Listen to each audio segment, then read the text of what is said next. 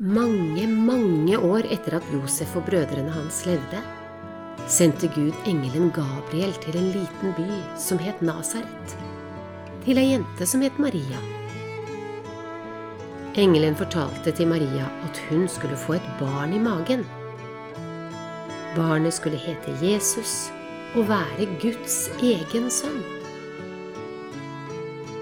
Engelen fortalte at også Elisabeth, en slektning av Maria, skulle ha barn, selv om hun var en gammel dame. Maria hadde en kjæreste som hun var forlovet med, som også het Josef.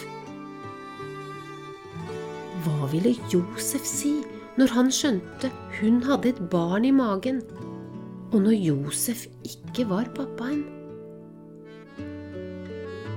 Hvem kunne Maria snakke med om alt som skjedde?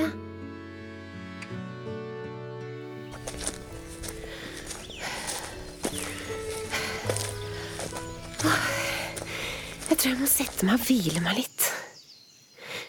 Jeg hadde glemt at det var så langt å gå. Enda godt jeg tok med meg litt niste. Tenk Tenk at jeg har et barn i magen min. Et barn som er skapt av Den hellige ånd. Som skal hete Jesus og være konge til evig tid.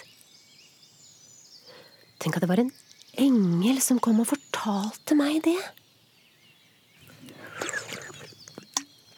Og nå gleder jeg meg til å komme fram til Elisabeth. Hun vil tro meg. Hun er kanskje det eneste mennesket som vil forstå meg akkurat nå. Alle andre tror nok at jeg har vært sammen med en annen mann. Men det har jeg jo ikke. Åh, nå må jeg skynde meg videre, før det blir mørkt.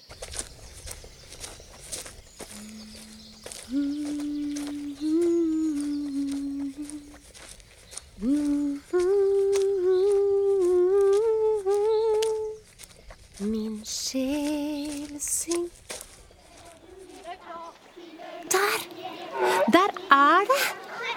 Den lille fjellbygden hvor Elisabeth bor sammen med mannen sin Zakaria. Tenk at Elisabeth også har et barn i magen sin. Her er det. Elisabeth! Maria! Er det virkelig deg? Ja, Elisabeth! Åh. Velsigna er du blant kvinner, Maria. Og velsigna er barnet som du bærer i magen. Men hvordan kan det skje at du, min Herres mor, kommer her til meg? For barnet i magen min, det sparka da jeg hørte at du kom. Velsigna er du som trudde. For alt engelen sa til deg, det skal bli som han har sagt. Takk, Elisabeth. Og så fantastisk at du også skal ha barn! Ja, enda jeg er nå altfor gammel. Det var engelen som fortalte meg det. For ingenting er umulig for Gud, sa engelen. Hmm. Ingenting er umulig for Gud. Nei. Og jeg er så glad for at jeg er hos deg akkurat nå, Elisabeth. Og du må gjerne bli her noen måneder, Maria. Kan jeg det? Ja, så kan vi snakke om alt som har hendt oss. Alt som er vanskelig, og alt det fantastiske som Gud har gitt oss. Min sjel opphøyer Herren, og min ånd fryder seg i Gud, min frelser. For han har sett til sin tjenestekvinne i hennes fattigdom. Og se, fra nå av skal alle slekter prise meg salig. For store ting har han gjort mot meg. Han, den mektige. Hellig er hans navn.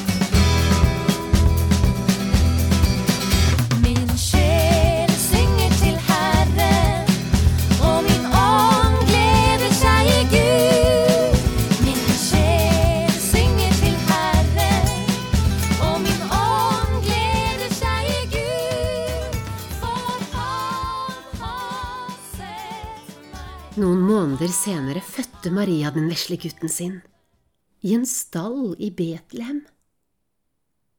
Hun kalte gutten for Jesus, og la han i en krybbe.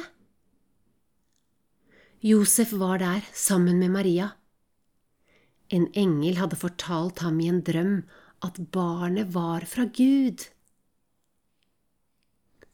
Noen fattige gjetere kom til stallen. De fortalte at engler hadde sagt til dem at det vesle barnet var født for å frelse menneskene og åpne veien til himmelriket, til Gud. Maria tok vare på ordene i hjertet sitt og undret seg over dem.